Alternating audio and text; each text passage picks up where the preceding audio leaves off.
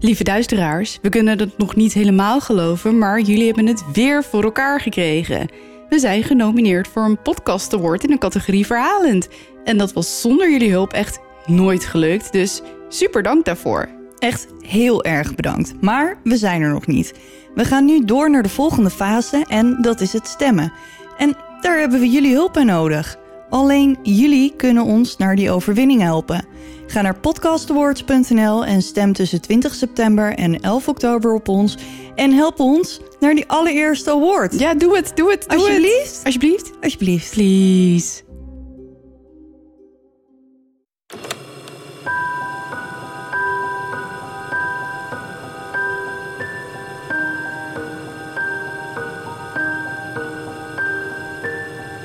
Dit is Duister. Een podcast waarin je wordt meegenomen naar het onbekende, het onbegrijpelijke. Zwarte bladzijden van de geschiedenis komen voorbij. Hier hoor je de verhalen achter moord, doodslag en onverklaarbare gebeurtenissen.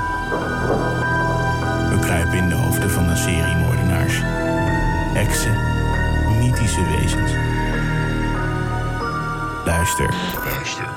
En huiver naar duister. Hallo, duisteraars. Welkom. Hallo. Fijn dat jullie allemaal weer luisteren. Kim zit tegenover mij. Yes. Ik ben Daphne. Ik ben Kim. Burley. Ja, maar Kim, dat is eh daar soort van eh, ingeslopen na Ja. al die jaren. Ik Vroeger wilde je dat niet. Nee, het mocht niet van mijn vader. Ja, hoezo niet? Nou, omdat hij me Kimberly genoemd heeft en niet Kim. Nee, maar ja, ik heet Daphne, maar iedereen noemt mij Daf. Ja, ik weet het niet. Ik weet wel dat hij een keer tegen mijn buurmeisje heeft gezegd dat, hij me Kimberly, dat ze me Kimberly moest noemen. Ja, ik kan me zoiets herinneren, ja. En ehm, sindsdien noemden ze me Kimber. ja.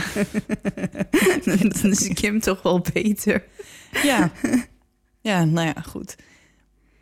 Maar oké, hoe was CrimeCon vorige week? Ja, was heel leuk. Ja? Ja, ik heb dus geleerd. Ehm, ik ging er dus altijd vanuit, of ik dacht altijd, dat van het vingerafdrukken poeder, Ja. dat dat altijd gewoon zwart is. Maar dat is dus niet zo. Oh. Dat kan je tegenwoordig in allerlei verschillende kleuren krijgen. En ze liet zien dat je op een ehm, groene fles gebruikt ze dan rood-oranje poeder, omdat dat lekker contrasteert. Mhm. En dan kun je dus vet goed zien of er vingerafdrukken op zitten. Terwijl als je op een donkergroene fles zwart poeder gebruikt, Oh ja, dan zie dan, je het niet zo dan goed. zie je het dus niet zo goed. Dus je kan voor alles een ander kleurtje kiezen. Dat wist ik helemaal niet. Dat is natuurlijk best wel heel handig. Ja. En ik heb geleerd hoe ik me moet bevrijden als mijn handen voor me geducttaped zitten. Oh, echt? Ja. Oh, daar ben ik wel benieuwd naar. Ja, ik, het is een beetje moeilijk uitleggen als ik het... Ik kan het hier wel aan jou demonstreren, maar dat is voor onze duisteraars een beetje lastig. Nou, probeer het. Ja, dus stel je voor dat je handen aan je polsen aan elkaar geducttaped zitten. Ja? Wat je dan doet, je doet ze boven je hoofd Ja? en dan sla je, dan, dan sla je je handen heel hard naar beneden en tegelijkertijd duw je je ellebogen zeg maar naar buiten. Oké. Alsof je je dijen wil slaan. Oh ja, ja, een soort van dijenkletser. Ja, en dan met een rotgang. En als het goed is, klapt dan Oh? die duct tape. Hè? Ja, het kan ik, dan gewoon, die klap is dan zo groot, dan scheurt het of zo. Ja, ik weet het niet, maar ik moet het dus een keer testen. Oh, dat Want- gaan we wel een keer doen, ja. Dat lijkt me wel grappig. Want wat, ik bedoel, ik ben 1,70 lang.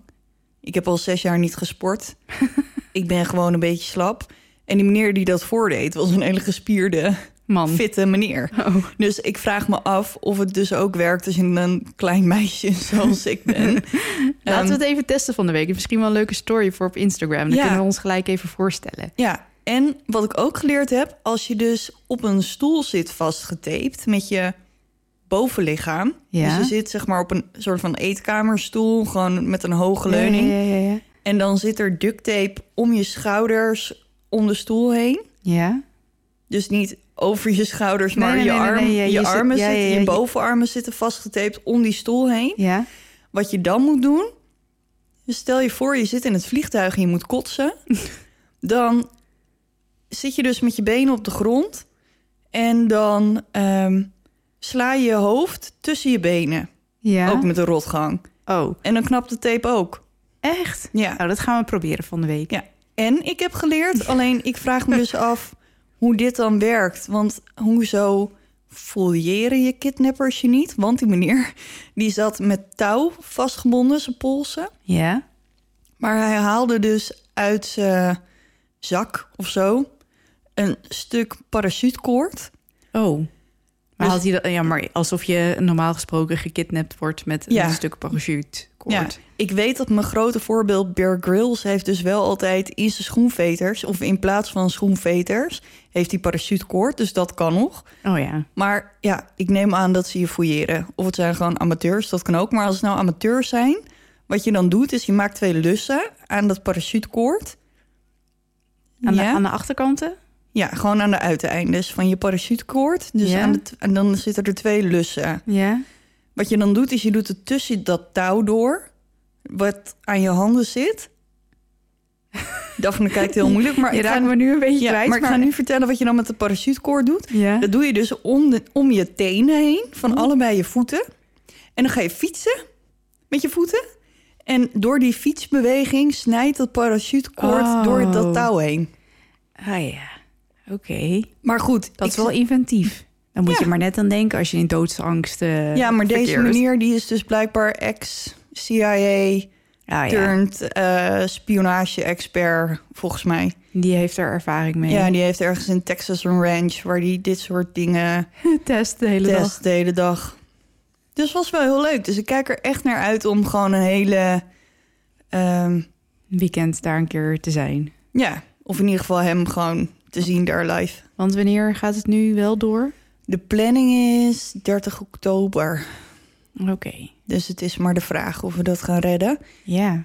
Of je dan alweer mag vliegen überhaupt. Ja. Kijk, dat het daar misschien doorgaat. Nou ja, fijn. Maar of jij dan die kant op kan. Ja, dat weet ik niet. En anders gaan we volgend jaar naar Texas. Oh, en dan is het daar. Dan is het daar. Nu zou ik eigenlijk naar Florida.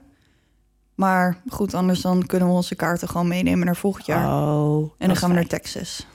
Ook leuk. Ja, dus heel veel zin in. Moet nog even wachten. Ja. Volgens mij is het trouwens terug te kijken. Voor mensen die het leuk vinden om eh, dat te kijken. Vooral de eerste twee dingen vond ik dus heel interessant. Maar dat post ik dan van de week wel even op Instagram. Ja, dat is wel leuk, ja. En dan kan iedereen dat gewoon gratis. Er was ook heel veel over eh, podcast en dat soort dingen. Dus het is ook wel leuk, maar niet zo interessant als dat deze twee eh, waren. Oké. Nou, doe maar even op de site dan. Of op de Ja, Insta. Dan doe ik. kunnen mensen dat even opzoeken. Yes. Jij begint, hè? Yes, ik begin. Waar eh, heb jij een eh, kleine teaser voor ons? Ehm, het is niet wat het lijkt. Nee, dat is meestal zo, hè? Ja, maar ik hou het hier wel bij. Nou, ik ben heel benieuwd. Ja. Eh, gaan we? Ja.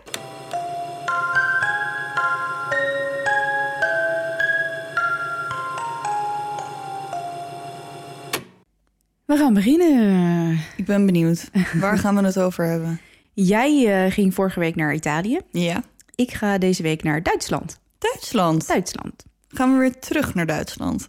Eh, ja. We waren twee weken geleden waren we in Duitsland. Ja, ja. dat klopt. We gaan weer terug naar Duitsland. Nou, gezellig. En naar het plaatsje Leibel, Leibelving. Zoals je hoort is mijn Duits ook echt fantastisch. Libelving. Le- Leibel, Leibelfling. Nee, Leibelving.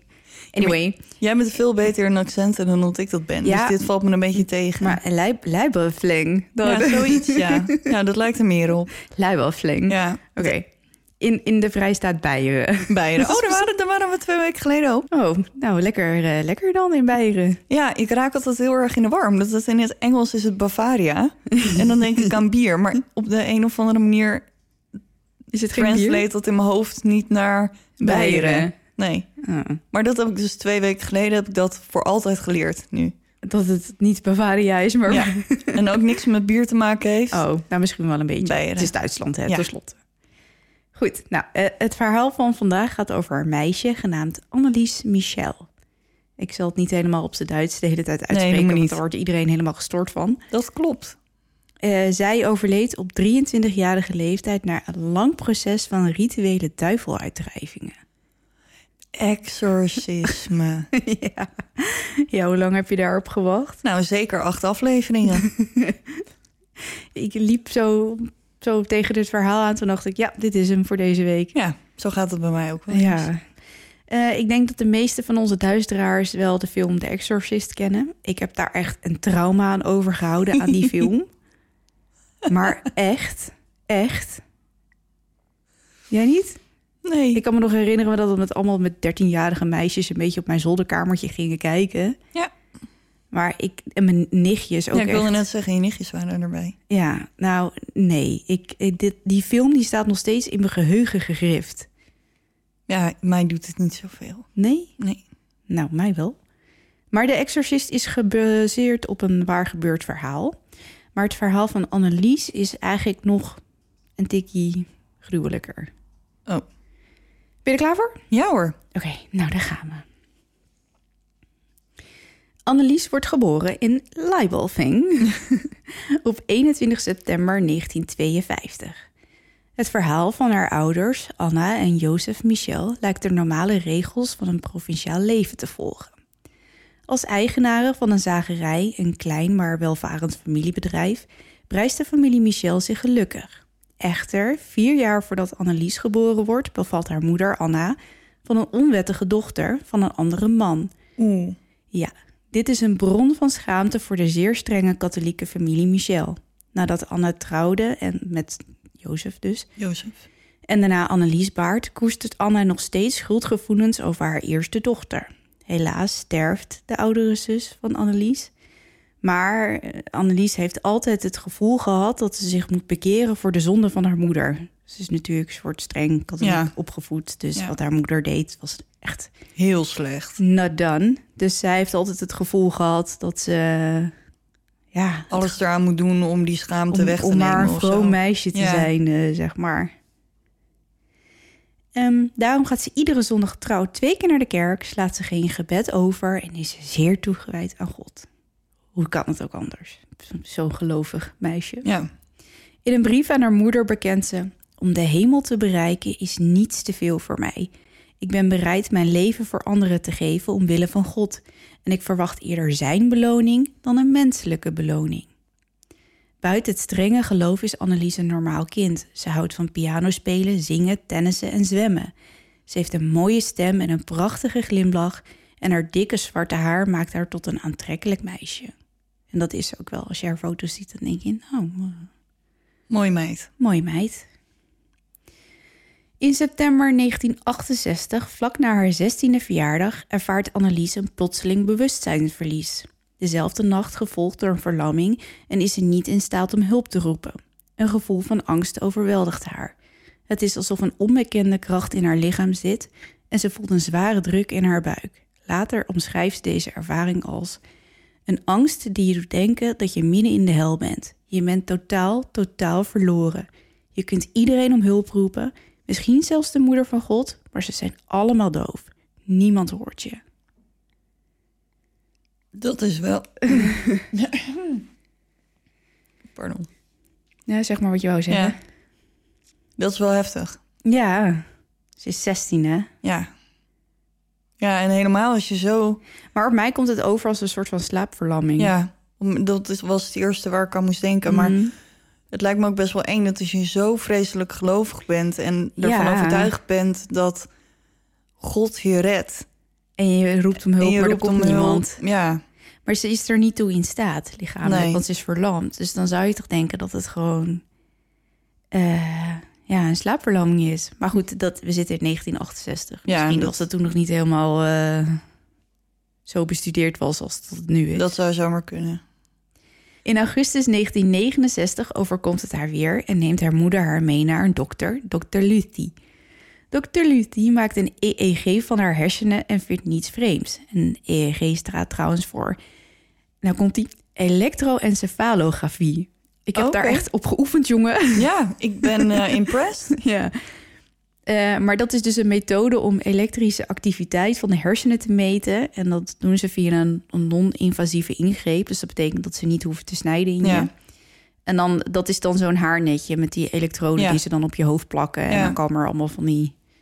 eh, Golfjes. Golfjes uit, ja. Maar de EEG van Annelies is normaal met een klein onregelmatig patroon.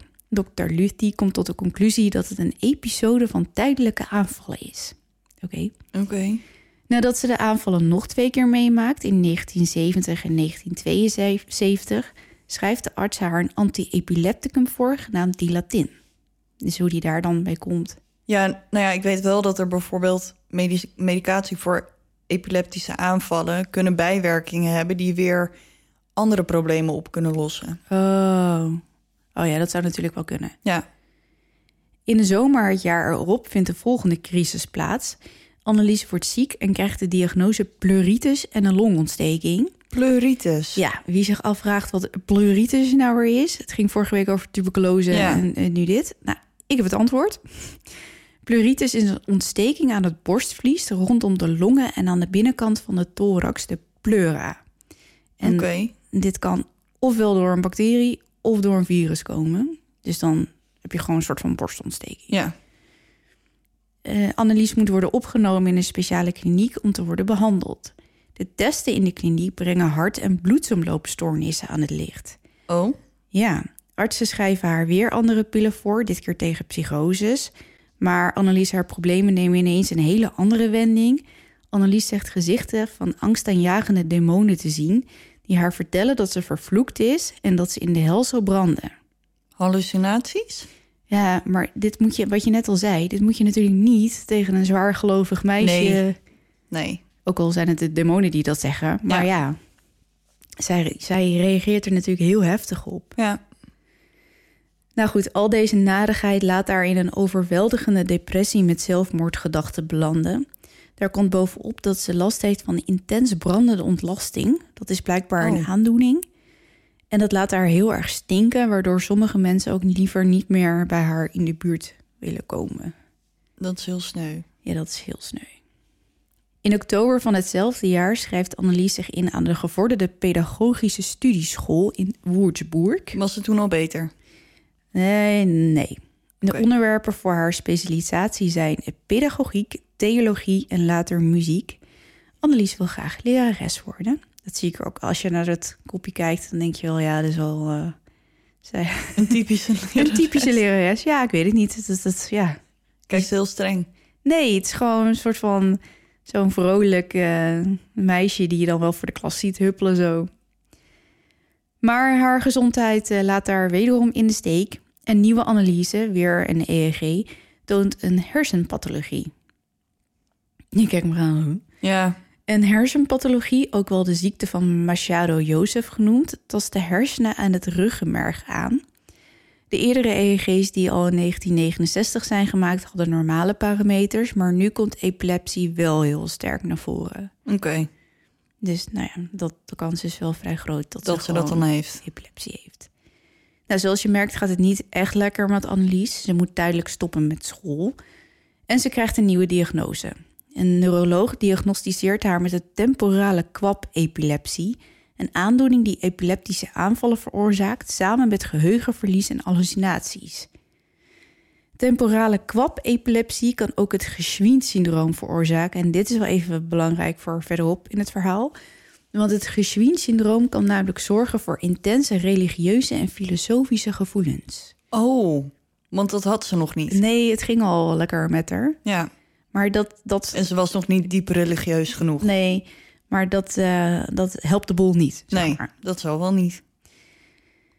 De artsen schrijven haar sterkere medicatie voor, Tegretol.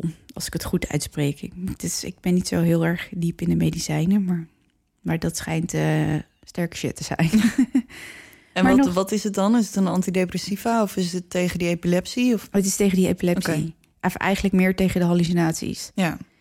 Maar schijnbaar gaan hallucinaties en epilepsie wel samen. Maar nog steeds zonder resultaten, die sterkere medicatie. In maart 1974 worden de demonische verschijningen voor Annelies steeds angstaanjagender. Overal waar ze komt ziet ze het gezicht van de duivel en hoort ze demonen in haar oor fluisteren. De demonen vertellen haar dat ze zal rotten in de hel en dat de duivel haar zal bezitten. Ze heeft hierdoor lange periodes van uitputting en depressie en tijdens die periodes lukt het haar niet om te bidden. Daarom besluit ze in overleg met haar familie om de kerk om hulp te vragen. Maar alle geestelijken die ze benadert verwerpen haar verzoeken en zeggen dat ze medische hulp moet zoeken. Maar ja, dat doet ze dus al. Ja, en dat werkt dus niet genoeg. Maar Annelies neemt het nieuws eh, best wel slecht op en haar hallucinaties nemen drastisch toe. En Annelies begint te geloven dat ze door de duivel bezeten wordt. Ze scheurt de kleren van haar lichaam, doet dwangmatig 400 squats in een uur, kruipt onder de tafel en blaft daar twee dagen als een hond. Ze plukt de spinnen van de muur en eet ze op. Ze bijt de kop van een dode vogel. Echt, hoe kom je daaraan? Gadver. En ze likt haar eigen urine van de vloer. Echt, gadver. Ja, dan ben, je, dan ben je echt niet helemaal stabiel. Nee, het gaat echt helemaal verkeerd met haar. Ook lijkt ze ineens superkrachten te bezitten, want ze kan een appel met één hand tot moes knijpen. Hoe dan? Geen idee. En daar is ook nooit een verklaring voor gevonden. Maar ze doet gewoon zo die appel in de hand, zo pats. En dan splat die zo in één keer uit elkaar. Ja, ik zit heel moeilijk te kijken, maar ik, zit, ik probeer in mijn hoofd even te doorlopen wat je dan, hoe dat dan werkt. Maar ik kan. Ja, niemand weet het. Nee. Het waren de demonen, denk ik. Begin 1975 gaat het helemaal de verkeerde kant op met Annelies. Ze begint meerdere persoonlijkheden te ontwikkelen, waardoor ze de hele dag wisselt van personen en bijbehorende stemming. Haar hallucinaties worden intenser en gruwelijker en de echte Annelies lijkt steeds verder naar de achtergrond te verdwijnen. Omdat de vader van Annelies na zijn gewone werk ook priester en opleiding is, hoe kan het ook anders, krijgt hij het voor elkaar om twee priesters te laten komen die Annelies wel willen observeren. Vader Alt en vader Rens. Ze komen een paar keer langs en concluderen dat Annelies helemaal niet geestesziek is. Niks aan de hand met het meisje. Maar ze wordt bezeten door de duivel. Tuurlijk. Ja. Ze baseren dit op het feit dat vader Alt, naast priester, ook helderziende is. Nou zeg, dat is handig. Ja. Ze volgen daarom ook niet de normale richtlijnen, maar bewandelen hun eigen weg. Er wordt niet naar Annelies haar thuissituatie gekeken, niet naar haar medicijngebruik en ook niet naar haar huidige diagnose: epilepsie. Dus die denken, nou, dit hebben we, dit gaan we even aanpakken, jongens. Ja. Eindelijk, eindelijk iemand bezeten met een demon. Ja, En die zullen we wel even dat gaan wij eens even wassen, dat varkentje. Dus op zondag 3 september 1975 begint de eerste van een reeks uitdrijvingen. Vader Alt heeft toestemming gekregen van bisschop Stangel om een klein onderdeel van haar normaal exorcisme uit te voeren om te kijken hoe Annelies daarop reageert. Vader Alt ziet dat Annelies tijdens de uitdrijvingen meer tot zichzelf komt en zich prettiger lijkt te voelen. Dus rapporteert vader Alt aan bisschop Stangel en die besluit de priester op zijn woord te geloven en vraagt niet om verdere documentatie of achtergrondinformatie. Sterker nog, hij schrijft een formele brief waarin hij toestemming geeft aan vader Alt en Rens om op 24 september 1975 een volledig exorcisme op Annelies uit te voeren.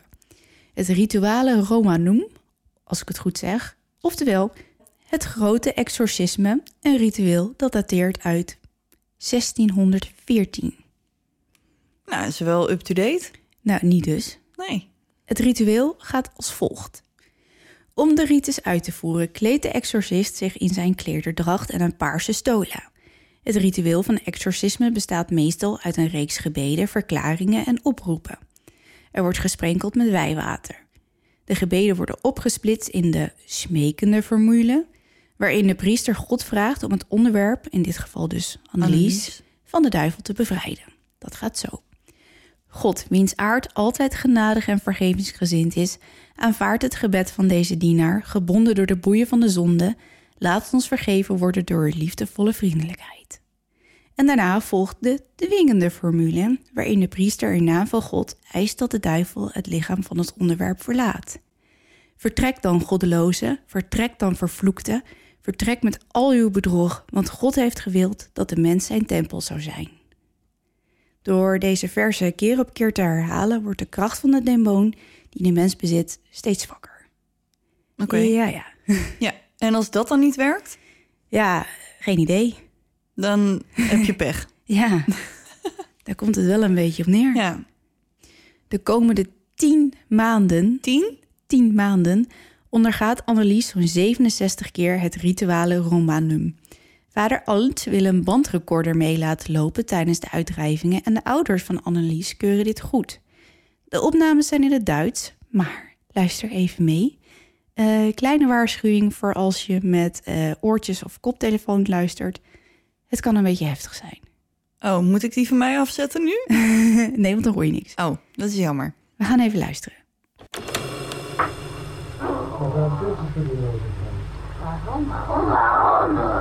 Ja, warum?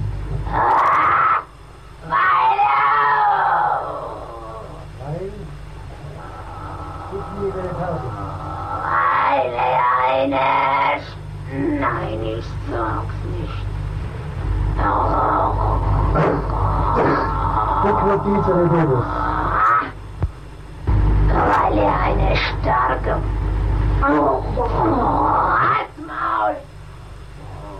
Ja, Weil er eine starke Waffe ist. Gegen Satan ja, ja, und alle Dämonen. ja, gegen uns. Ich muss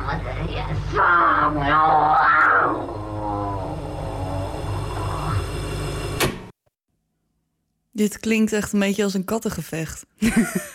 dat was het eerste jammer. Ik, mijn kat vecht heel vaak op straat. en dan zit ik in mijn huis en dan hoor ik zeg maar dit buiten.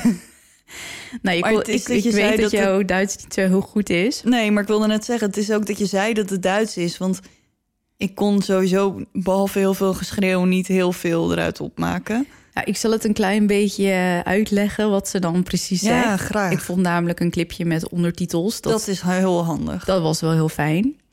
De priester vraagt eh, in het begin of ze bang is voor de rozenkrans... die hij om Ja. zijn vingers heeft gewikkeld.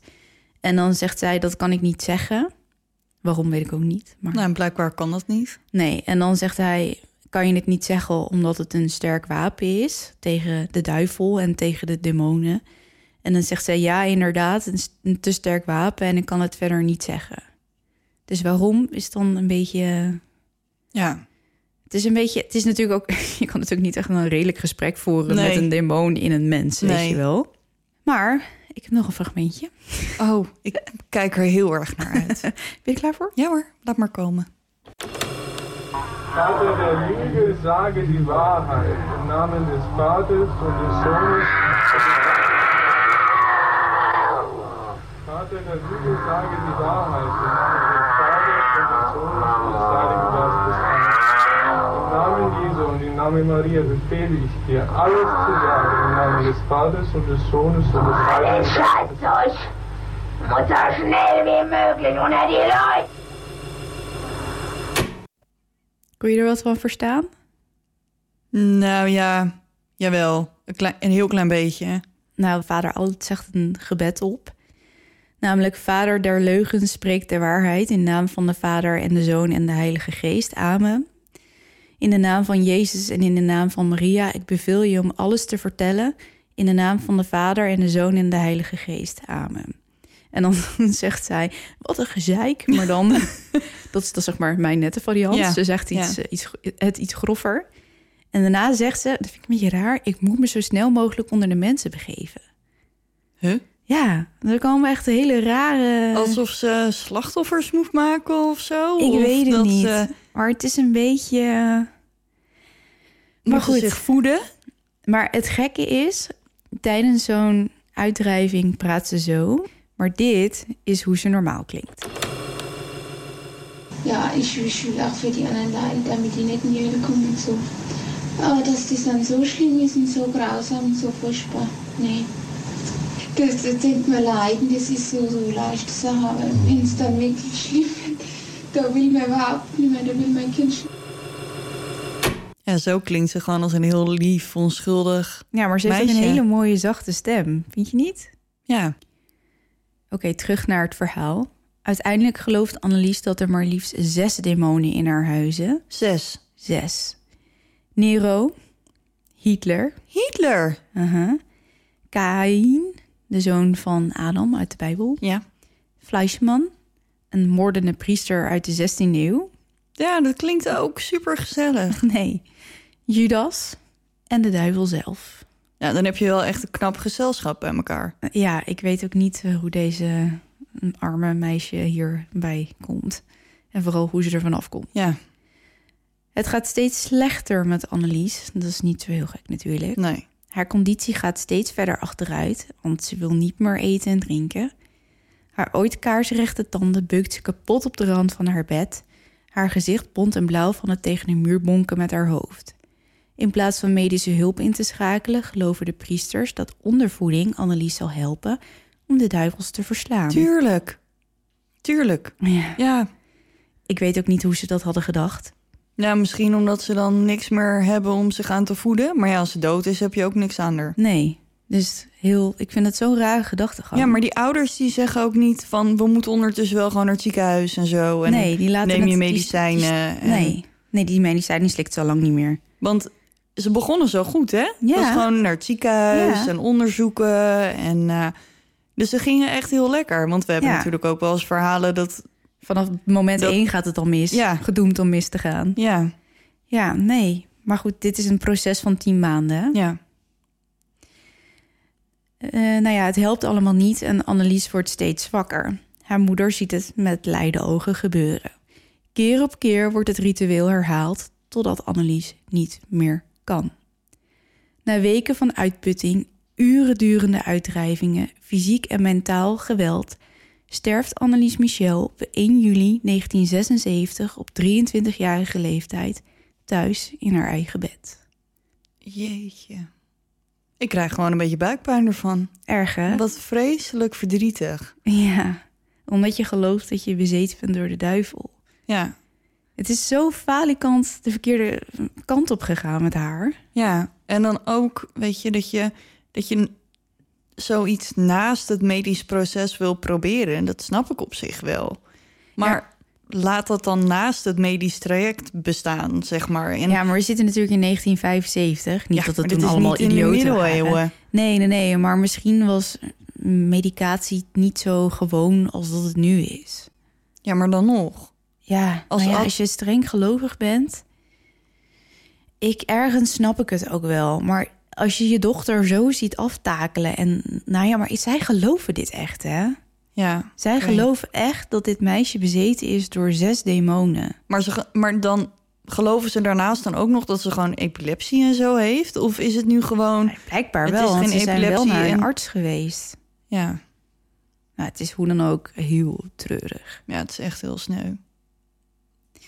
Nou ja, haar vader, Jozef, die laat meteen een certificaat opstellen... waarin staat dat Annelies aan natuurlijke oorzaak is gestorven. Oh ja, want zelfmoord mag natuurlijk niet. Nee, maar de arts, dokter Martin Keller, weigert het certificaat uit te geven. Yes. En hij eist dat het lichaam van Annelies een autopsie ondergaat. Hele slimme meneer. Ja, dit omdat het meisje eruit ziet alsof ze zwaar mishandeld is. Haar armen en benen zitten onder de blauwe plekken. Haar tanden zijn uit haar mond geslagen. Haar nagels zijn smerig en zitten onder het bloed. En ze heeft twee keurige blauwe ogen. Uit het autopsierapport komt dat Annelies buiten de zichtbare verwondingen stierf aan ondervoeding en uitdroging. Dat ze nog maar 30 kilo woog. En dat- 30? 30. En dat ze twee gebroken knieën had. En daarnaast ook nog een longontsteking. Dr. Keller alarmeert de officier van justitie, die vervolgens een onderzoek instelt. Dat aantoont dat als er zelfs maar een week voordat Annelies stierf er was ingegrepen, dat haar dood al voorkomen had kunnen worden. Ja, dus dat gewoon opgenomen moeten worden en dwangvoeding en zo Mhm. moeten krijgen. Maar een week. In die week Ja. is het dus zo hard achteruit gegaan Ja, dat het lijfje gewoon heeft opgegeven. ja. Er volgt een proces tegen de ouders van Annelies dat op 30 maart 1978 begint en het trekt natuurlijk veel belangstelling.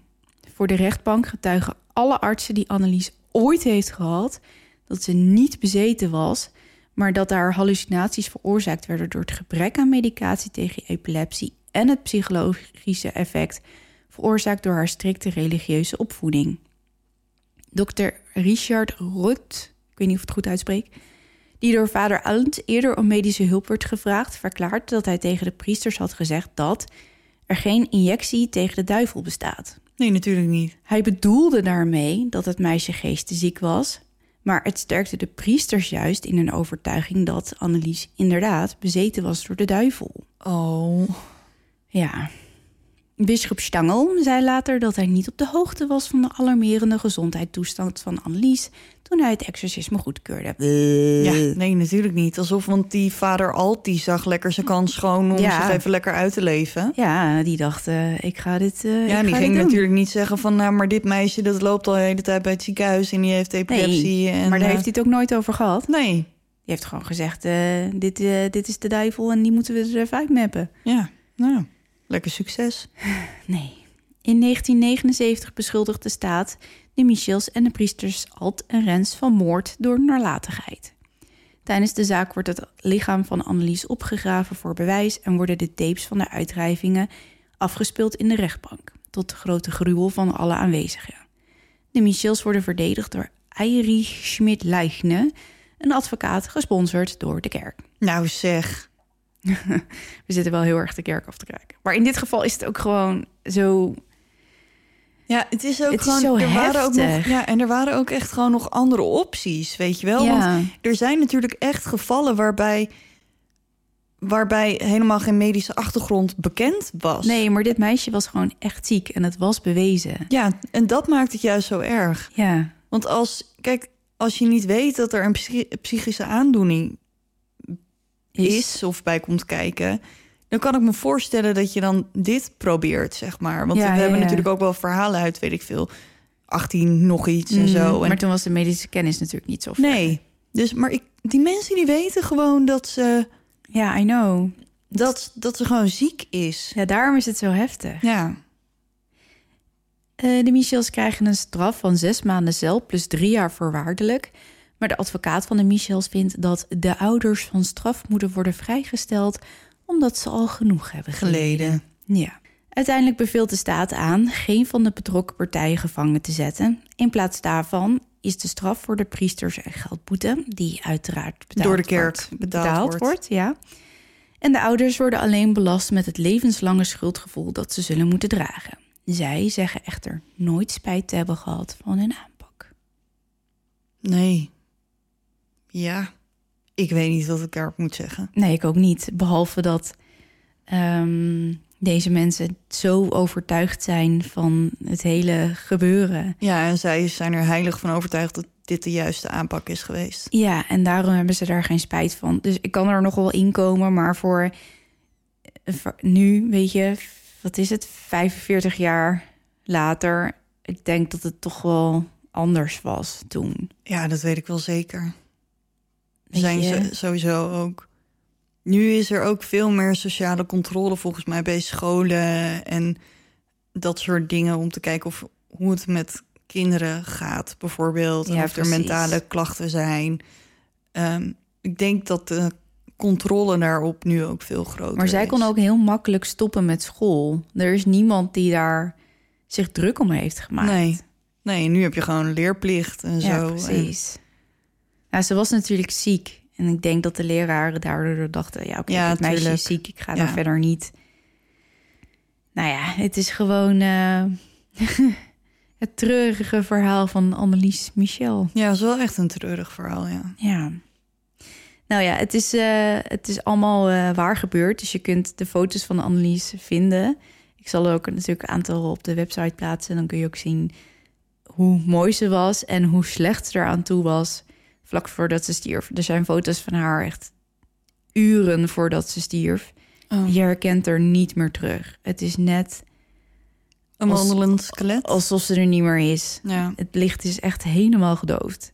Dus nou ja, kleine waarschuwing als je wil kijken. Het staat op de website. Als je denkt, laat maar zitten, dan zou ik ook vooral niet kijken. Want Nee. Het is wel heftig om haar zo te zien. De en anders dan wel, posten we eh, van de week wel eventjes de minder heftige versie Ja, op ik- onze socials. Ik zal inderdaad gewoon haar foto waarbij ze nog vrolijk is en leeft. Ja. eh, die kan ik wel posten en dan kun je zien hoe mooi ze was. Maar ehm, dat zeg ik, wil je het niet zien, kijk dan ook gewoon niet. Want Nee. het is best wel heftig. Nou, ik ben klaar. Ja, tijd voor mijn verhaal. ja, ik ben benieuwd. Gaan we beginnen? We gaan beginnen.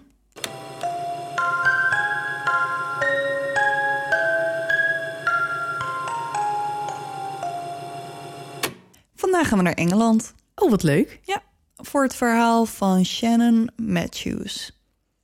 Shannon woont in Dewsbury Moor, Yorkshire. Oké. Hoe? ik weet dat je dit hebt geoefend. Nog een keer. Yorkshire. Yorkshire. Maar goed, Dewsbury Moor dus. Ja. En ik ga eerst even wat vertellen over eh Dewsbury, omdat het wel belangrijk is om te weten in wat voor soort omgeving Shannon opgroeit. Oké. Vroeger was er in dit gebied veel industrie. Ze verwerkten er veel wol. En mensen uit de buurt werkten in de fabrieken en maakten touwen en legeruniformen. Dus het was best wel booming in die tijd. Eind jaren 60, begin jaren 70 begon de, de wolindustrie te krimpen. En sloten er steeds meer fabrieken.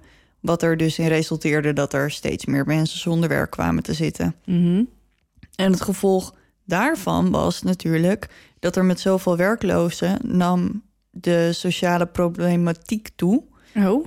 en de criminaliteit ook. Ja, dat is natuurlijk wel een logisch gevolg. Ja, Helaas. want als er in één keer alle werkgelegenheid om je heen sluit, ja, dan heb je niet heel veel om op terug te vallen. Nee.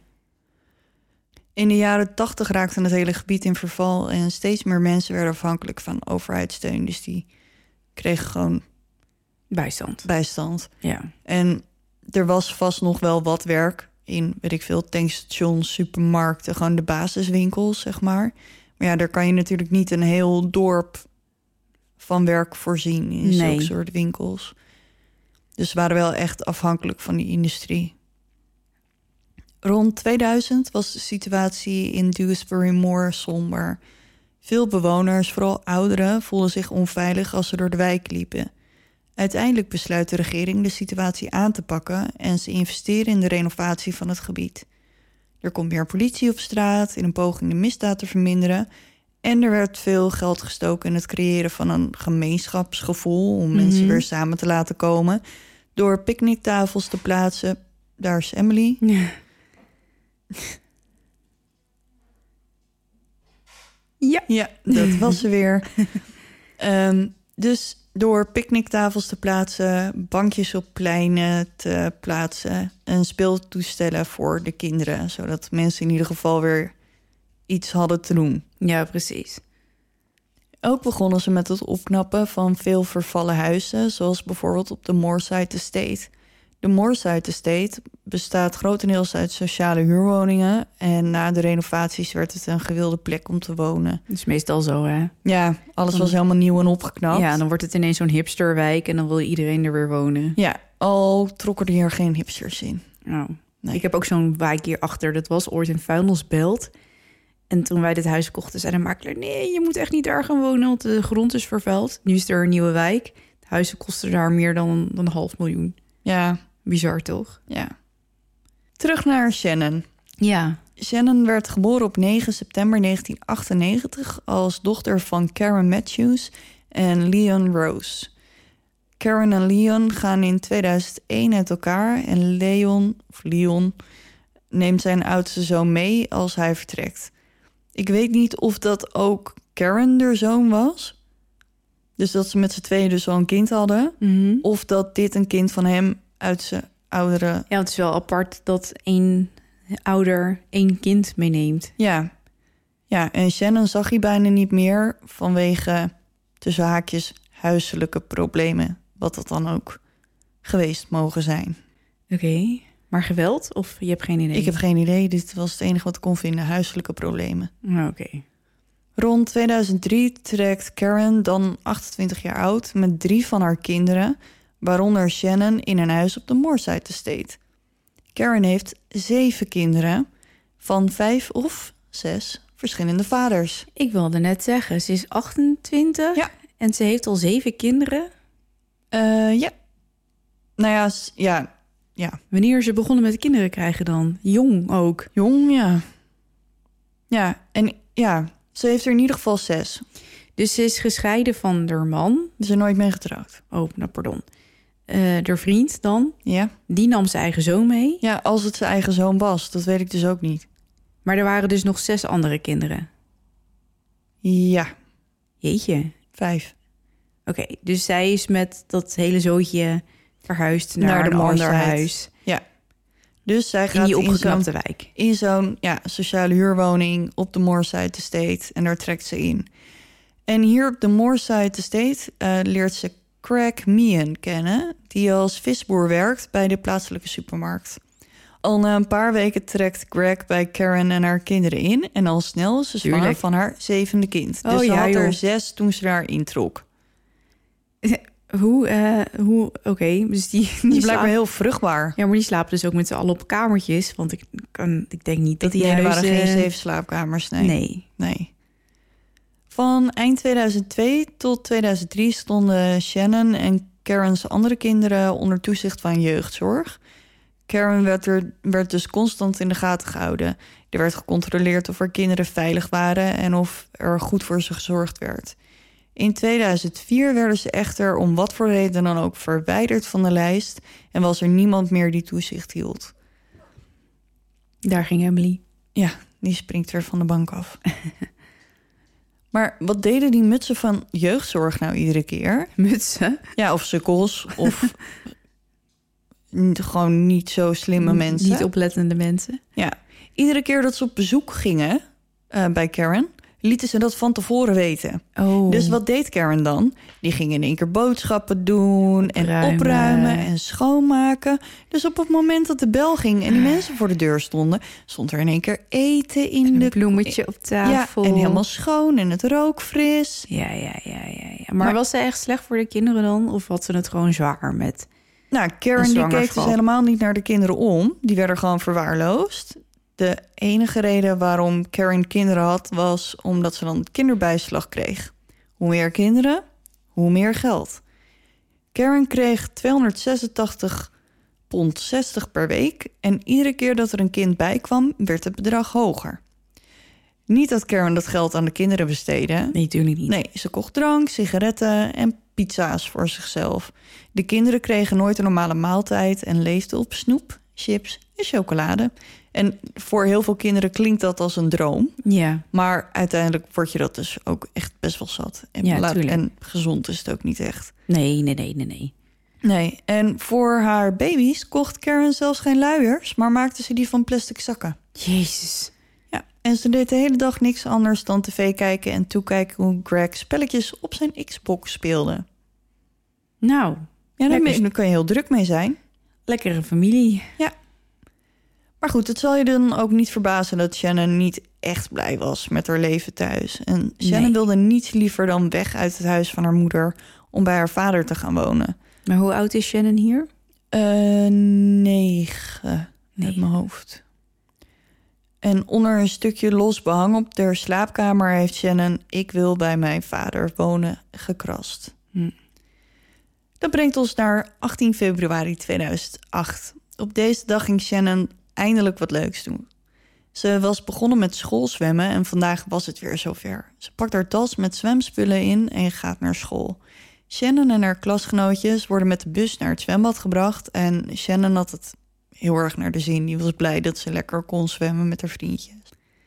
De bus reed terug naar school en zette ze daar om tien over drie voor het gebouw af.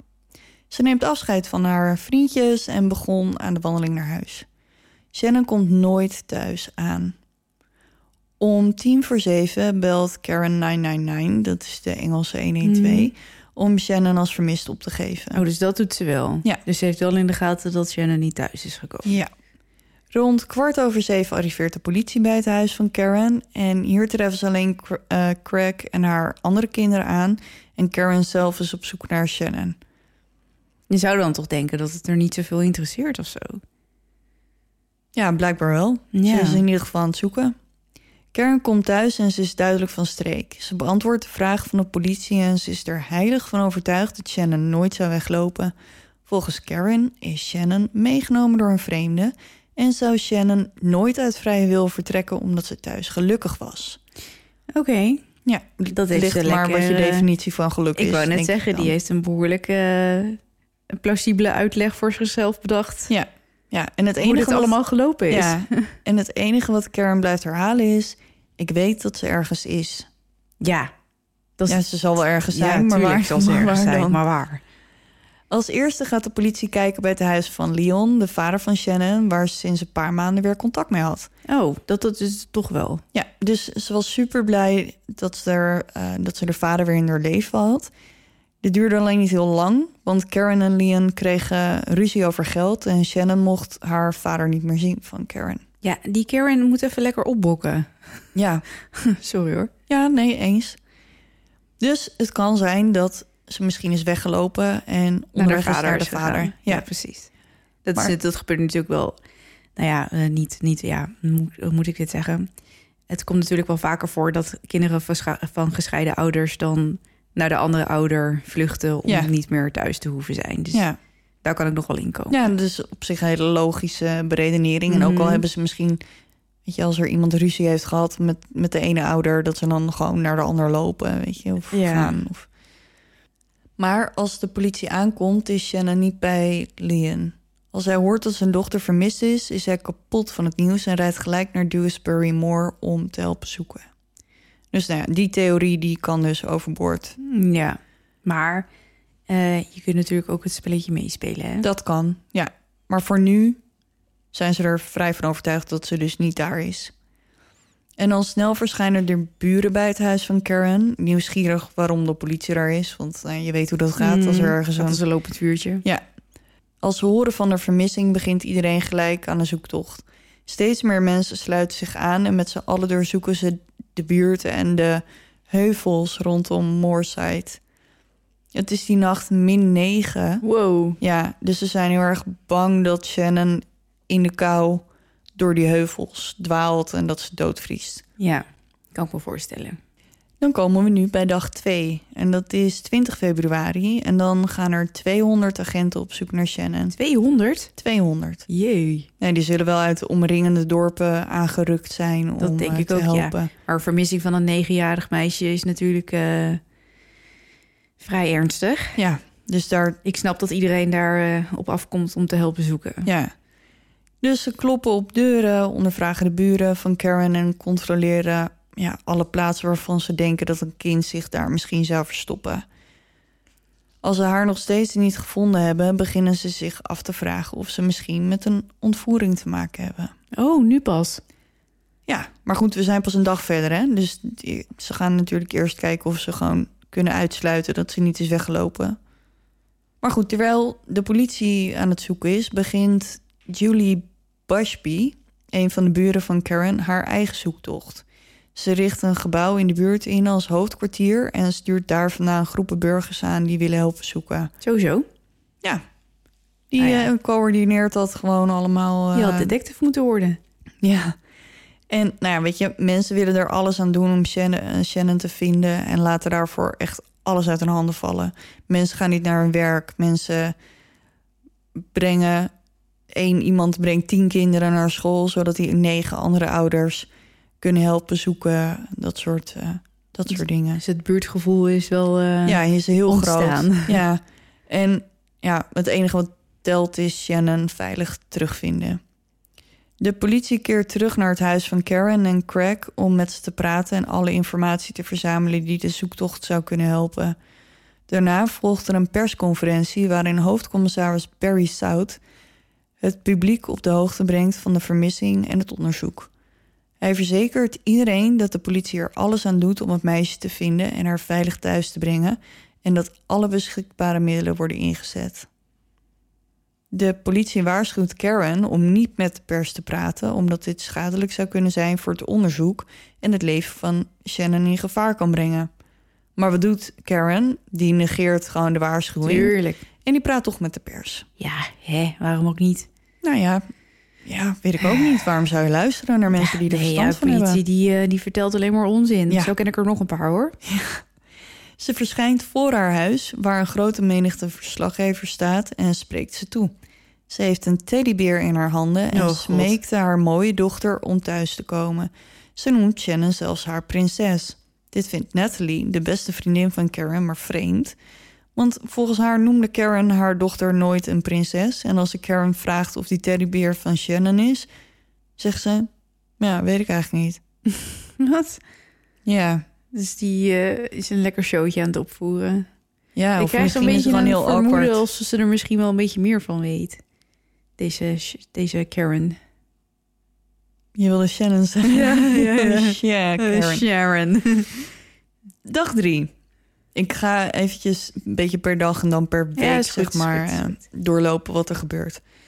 Op dag drie, dan is het 21 februari, gaan er meer dan 200 mensen op pad om Shannon te zoeken. Ze hangen overal flyers op en dragen t-shirts met heb je Shannon gezien erop gedrukt.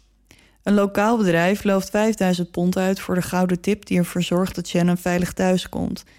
De Engelse krant The Sun doet daar nog eens 20.000 pond bovenop. Dus we hebben nu zeg maar beloning van 25.000 pond voor degene die kan vertellen Maar ze is. waar ze is. Of in ieder geval een tip wat, naar, wat er naar leidt dat ze gevonden wordt. Maar ik denk dan altijd, als er al eh, een tip was geweest, dan was hij er toch al geweest. Ja, tuurlijk. Meestal maar- komen tips naar een, een bedrag dat aangeboden wordt. En dan. Ja, het ligt Ja. er maar aan. Want er zijn ook mensen die in de eerste instantie denken dat ze, ja, dat ze hun mond gaan houden. Maar dan is het geld toch wel in één keer heel erg verleidelijk. Dan is Shannon een week vermist.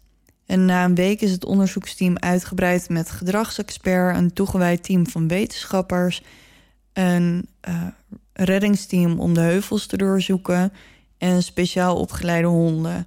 Ze hebben nog steeds geen enkele aanwijzing over de verblijfplaats van Shannon. Het is helemaal spoorloos. Ja, en dus dan zijn ze inmiddels al een week aan het zoeken en ze hebben echt nog helemaal niks. Gewoon echt niks. Dan is Shannon alweer twee weken vermist. En Karen verschijnt in een persconferentie samen met Leon. Karen draagt haar Help Find Shannon t-shirt en heeft weer de teddybeer vast terwijl ze poseert voor foto's. Ze ziet er opvallend vlak en emotieloos uit in vergelijking met haar eerste persmoment. Ze blijft er heilig van overtuigd dat Shannon is ontvoerd en nog ergens is in leven. De politie controleert ondertussen 1500 auto's en kloppen op de deuren van 3000 huizen voor buurtonderzoek. Honden speuren de route af die Shannon zou hebben gelopen van school naar huis, maar ze vinden helemaal niks. De zoektocht naar Shannon werd het grootste politieonderzoek dat in West Yorkshire plaatsvond sinds het onderzoek naar de Yorkshire Ripper 30 jaar eerder. En ja, dat is dus de Yorkshire Ripper en niet Jack the Ripper. Dat zijn Nee, twee nee. verschillende zaken. Die zat in Londen. Die zat in Londen. Maar is ook een hele interessante zaak. Dus die ga ik ook zeker nog een Ik keer wou doen. net zeggen, ga je die een keertje doen? Dat lijkt me echt heel leuk. Ja, maar ik ga ze alle twee doen. Dus ook de Yorkshire Ripper, want die lijkt helemaal in niks op, Jack, op Jack. Of misschien een beetje, maar is een hele aparte zaak. hij is ook. geen copycat. Nee, nee. Hoe langer Shannon vermist is, hoe meer mensen beginnen te speculeren of, over wat er gebeurd is.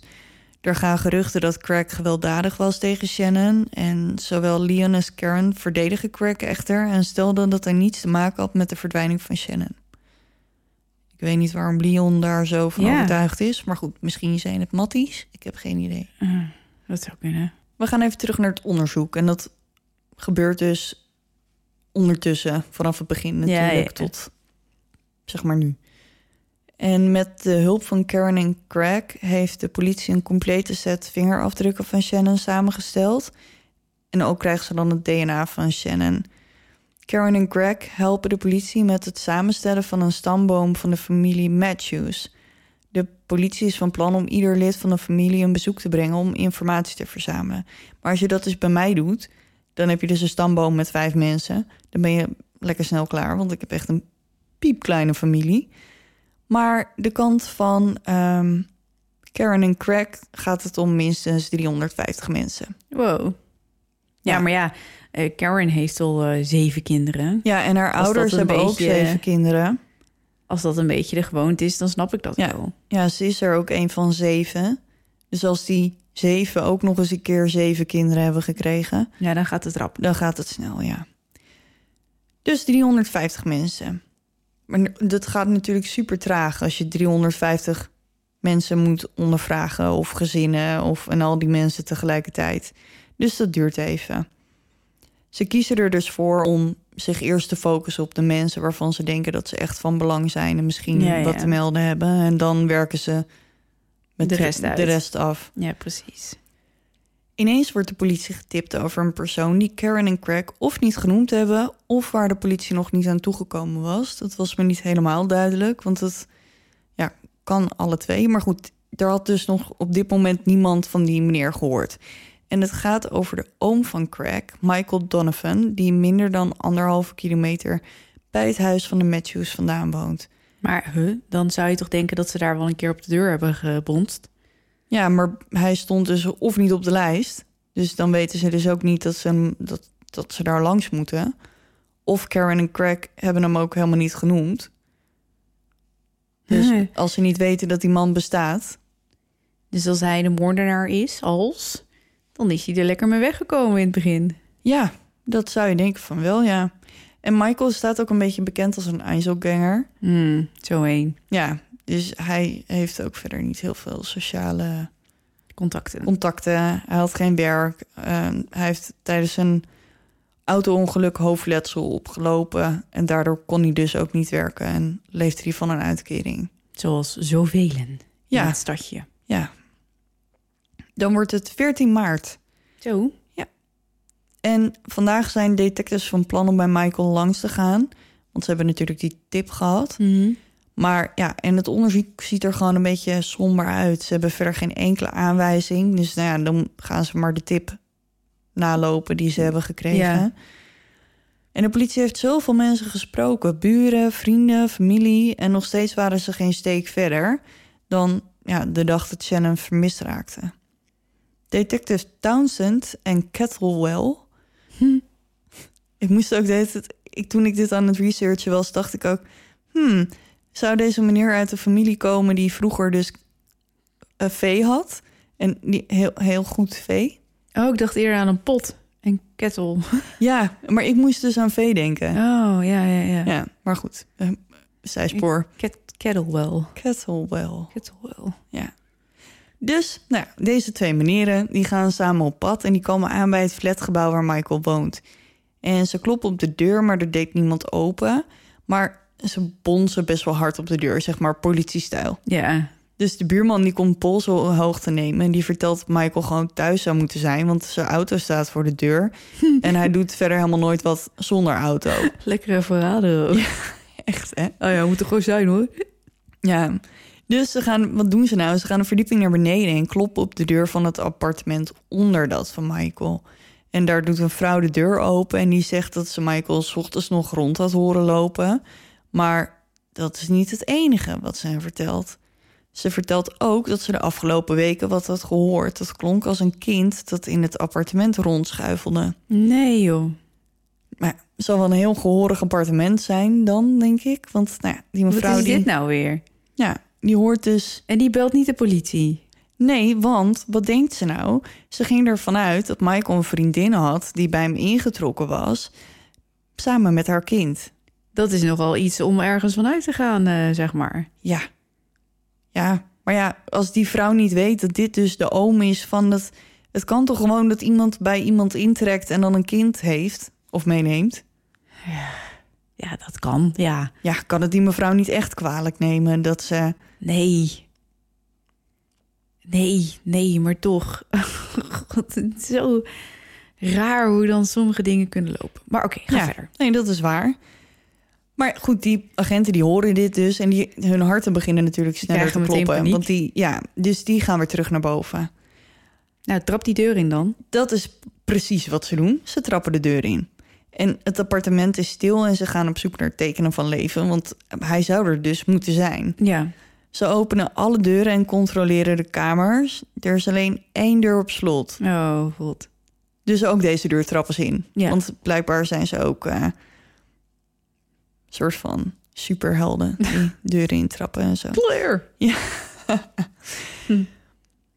Dus ze trappen de deur in en de kamer ruikt naar verse sigarettenrook. En terwijl ze de kamer inlopen, horen ze een klein stemmetje zeggen: Stop daarmee, je maakt me bang. Oh, god. Ze kijken de kamer rond en kunnen niet ontdekken waar het stemmetje vandaan komt. Als ze proberen het bed dat in de kamer staat op te tillen om te kijken of er iemand onder ligt, dat lukt niet, want dat is heel zwaar. En dan beweegt er ineens iets aan de zijkant van het bed en een klein meisje komt uit een van de lades onder het bed gekropen. No. Is het er? De agenten konden hun ogen niet geloven. Ze probeert op te staan, maar ze is wa- wazig en gedesoriënteerd. Kettlewell pakt haar snel op en loopt met haar in zijn armen de deur uit. Hij vraagt haar waar Michael is en ze antwoordt dat hij ook onder het bed ligt. Nee. Ja, Oh, eng. ja, Dus die lag naast haar. ja. Holy shit. En die, oh, oh, daar krijg ik gewoon kou van. Ja, die lagen dus samen onder dat bed. Oh, wat een engert. Ja, dus Kettlewell neemt Shannon, want het is inderdaad Shannon, mee naar Mhm. buiten. En ze hebben ondertussen natuurlijk voor backup gebeld. Dus er Ja, zijn ja, ja, andere agenten ter plaatse die eh Townsend komen helpen. Met... Ja. Dus wat die agenten die turen dus door een spleet in de la. En verrek, daar ligt hij. Nee, Er zitten dus lades onder dat bed. En hij ligt dus ergens in een hoekje van die laag gedrukt. Oh, wat een eng, eng mannetje dit. Ja, dus ze schreeuwen naar hem dat hij er onderuit moet komen, maar hij verroert echt geen vin. Hij denkt, eh, stik hem maar lekker in, je komt me maar lekker halen. Dus uiteindelijk slaagt de politie erin om hem uit die la te krijgen, maar het is niet echt makkelijk, want Maar hij hij... is een volwassen man. En hij slaat en schopt een eind in de ronde, terwijl ze hem eh, onder de bed vandaan halen. Ja, die denkt, doe ik ga Ja, mee. ik eh, was niet van plan. Maar goed, als jullie erop staan, hè? Nou, dan kom je nergens hoor, als je erop staat. God, wat flauw. Als ze hem eindelijk te pakken hebben, plaatsen ze hem onder arrest voor ontvoering. Shannon wordt in een politieauto gezet en naar bureau gereden... waar ze onder politiebescherming wordt geplaatst... en door de sociale dienst wordt meegenomen naar de spoedeisende hulp... om te kijken of alles wel goed met haar gaat.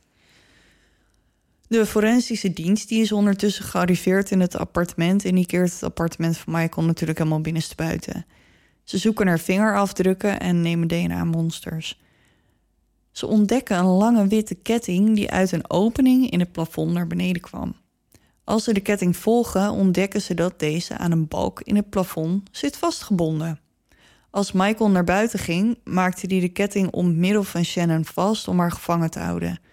Hij was lang genoeg voor Shannon om de badkamer en het bed te bereiken, dus ze kon een beetje Een beetje rondschuifelen. En ja, er liep het. zeg maar over het plafond een rails of een balk. En daar zat die ketting dan aan en dan kon ze een beetje schuifelen. Ja, wat die buurvrouw al zei. Ja, Wat bizar, ja, joh. dus ze kon in ieder geval naar de badkamer en weer terug naar Nou. het bed. Daar ja. moet ze blij mee zijn. Ja, nou ja, het is tenminste iets. Onder het bed waar Shannon werd gevonden vinden ze verschillende doosjes met kalmerende medicijnen, waaronder iets tegen reisziekte en temazepam. Ze vonden ook 600 pond in contanten en de nieuwste editie van The Sun, de krant, Mhm. waar staat dat de beloning is opgehoogd naar 50.000 pond. Maar er is nog meer. Ze vinden ook een lijstje met regels waarin Shannon zich moest houden als Michael de deur uitging. Dit zijn de regels. Je mag geen geluid maken of met je voeten stampen. Je mag niet in de buurt van de ramen komen. Je mag niks pakken of iets doen als ik er niet ben. Houd het volume van de tv laag. Je kunt de Super Mario spellen spelen of dvd's kijken of muziek afspelen.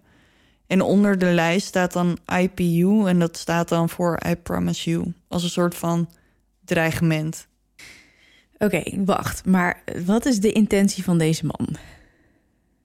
Want eh, het klinkt nu een beetje alsof hij gewoon een beetje lomp is en raar en een, een beetje. Maar dat hij verder niet echt ge- gewelddadige dingen met haar doet. Tenminste, zo klinkt het nu. Zo klinkt het nu. Dat ja. ze, want ze mag wel spelletjes spelen. En Ja. nou ja, Ja, zo, zo, het klinkt best wel nee, um, ik aardig niet- of zo. Nou ja, ook nu. inderdaad, oké zal ik niet zeggen, maar het klinkt ook niet had erger gekund. verschrikkelijk, Ja, zeg ik heel voorzichtig. ja. Goed, nu hebben we zeg maar de tijdlijn gehad tot aan dat ze gevonden is. Ja, Dus nu gaan we zeg maar naar, naar het tweede hoofdstuk. En dat is dan na de ontdekking van Shannon. Dus je denkt, nou, Shannon is levend en wel gevonden. Helemaal, ze hebben iemand gearresteerd. Afgelopen, klaar. Ja. Iedereen gaat weer verder met zijn leven. Nou, dat heb je verkeerd gedacht. Het nieuws dat Shannon is gevonden verspreidt zich als een lopend vuurtje door de buurt. Julie Bushby was in het hoofdkwartier van de zoektocht toen ze werd gebeld. En dat is dan die mevrouw die dus dat gebouw in de buurt had ingericht als oh, voor iedereen, die, alle burgers die kwamen helpen ja, zoeken. en zij ja. coördineerde dat allemaal. Ja. En zij krijgt een telefoontje dat Shannon is gevonden. En Hoe komt dat nou? Want blijkbaar wist zij het dus eerder dan Karen, De moeder. de moeder van Shannon. Want op het moment dat Kettlewell naar buiten kwam met Shannon in zijn armen, kwam er een nieuwsgierig buurman aan. En die zei: Is dat Shannon? En toen zei Kettlewell ja. Maar dan moet hij toch gewoon zeggen, geen commentaar en doorlopen. Ja, maar waarschijnlijk was hij zo blij dat hij er gevonden had dat het hem even ontglipte. maar in ieder geval, het nieuws verspreidt zich dus Snel. snel. Ja. Heel snel. Iedereen was natuurlijk door het dolle heen omdat Shannon veilig en wel was gevonden. Dus ze kwamen allemaal naar het huis van Karen gerend en schreeuwden dat Shannon was gevonden. Bij het horen van het nieuws verstijfde Karen eerst en barstte vervolgens in tranen uit. De politie is inmiddels bij Karen aangekomen om het goede nieuws te bevestigen. Die waren gewoon in de tussentijd dus onderweg om, Ja. om het goede maar nieuws zo te snel brengen. ging het al. Zo ja, het ging echt, nou ja, like wildfire. Ja. Maar Craig begon te huilen en Karen wendde haar gezicht af om haar emoties te verbergen. Ze bieden aan om haar naar het bureau te brengen, zodat ze Shannon kan zien. Eenmaal aangekomen op het bureau krijgt ze te horen dat ze Shannon nog niet van dichtbij mag zien, alleen achter glas, omdat ze natuurlijk nog forensisch onderzoek Op haar. op moet haar moeten doen Ja, ook. precies. Dus ze observeren Shannon, die kalm en een beetje de war lijkt. En er lijkt iets aan Karen's gedrag gewoon niet helemaal te kloppen. Hoe zij reageert is niet zoals je dus zou verwachten van iemand die haar kind dus 24 dagen niet heeft gezien en ervan uitgaat dat ze misschien wel dood is. Ja, Ze er is, iets niet. met, er is iets met haar. Ja. Ze huilt niet, toont geen enkele emotie en staart met een uitdrukkingsloos gezicht naar haar kind. Ja, dat is wel raar, ja. Het Ik enige, zou flippen, denk ik. ja, het enige wat ze zegt is: ze heeft nieuwe kleren. Wat? Karen en Craig zijn ondertussen ondergebracht in een hotel om even uit de buurt te zijn van de pers. Want ja, die liggen natuurlijk rijen dik voor In de, de bosjes. daar. En Michael Donovan, de ontvoerder van Shannon, die zit ondertussen op het politiebureau terwijl zijn advocaat een verklaring opstelt. En hierin legt hij uit dat Karen het brein achter de ontvoering was. Oh, huh, want? Ja, nou ja, ik zeg wel, oh, huh, want. Maar ik heb natuurlijk al de hele tijd het gevoel dat zij er iets mee te maken heeft. Ja, dat zat er wel een beetje aan te komen Ja. natuurlijk. Maar hij legt dus uit dat het plan was om Shannon bij Michael verborgen te houden... terwijl Karen deed alsof ze vermist was. En ze zouden er net zo lang vasthouden... tot het geld voor de gouden tip verhoogd zou zijn naar 50.000 pond. En, dan? En als het bedrag dan zo hoog zou zijn... dan zouden ze doen alsof Michael Shannon gevonden had. Oh, zo van, kijk eens wat ik hier heb. Ja, en dan, zouden ze, en dan zou Michael het geld opstrijken... en dat zouden ze dan met z'n twee delen. Oh, Ja, en Michael claimt dat hij er helemaal niet aan mee wilde doen... maar dat Karen hem bedreigde. Ze zou mensen op hem afsturen om hem te vermoorden... als hij niet zou meewerken aan het plan. ja, ja. En waar gaat ze die mensen vandaan halen dan? Weet ik veel. Van om, de hoek of zo? Ja, ik heb geen idee. Maar goed, hij zegt ook dat hij Shannon nooit pijn gedaan heeft. Dat hij goed voor haar gezorgd heeft. En dat hij ehm, kleding en speelgoed voor haar had gekocht. Dus hij heeft wel een soort van zijn best gedaan om Ja, het soort van comfortabel mogelijk te maken naar omstandigheden, zeg maar. Op 17 maart wordt Michael beschuldigd van een ontvoering, kidnapping en obstructie van het onderzoek. Volgens mij zijn ontvoering en kidnapping een beetje dezelfde dingen, maar dat, het zal wel. Zijn procesdatum wordt vastgesteld op 11 november. Als de grote opluchting dat Shannon is gevonden een beetje begint te zakken en mensen raken weer gewoon een beetje in hun eh, gewone ritme. Maar mensen op de Moorside Estate die vinden het gedrag van Karen gewoon een beetje gek. Ze leek helemaal niet blij te zijn dat Shannon was gevonden. Vraagt nooit wanneer Shannon, eh, Shannon naar huis mag komen. En spreekt zonder haat over Michael. En ja, zo'n kerel wil je dan toch met je blote handen villen als... ehm, Als het niet waar zou zijn wat hij zegt. ja, Maar wacht, wacht, wacht, wacht. Even recapituleren. Die oom, Michael. Michael, die laat verklaren dat Karen het mastermind was Ja. achter deze hele organisatie. Mhm. En in, plaats van dat zij zegt: nee, dat is niet waar. En ik hou superveel van mijn dochter. Gaat zij zich een beetje passief gedragen en niet blij zijn dat haar dochter terug is. Dus dan bevestigt ze eigenlijk toch precies wat hij zegt. Ja, maar het is ook, weet je, ze zal ook niet zeggen van... ja, die klootzak die heeft mijn kind eh, ontvoerd en weet ik wat allemaal. Hij liegt, het is niet ja, waar het is wat niet hij zegt. waar.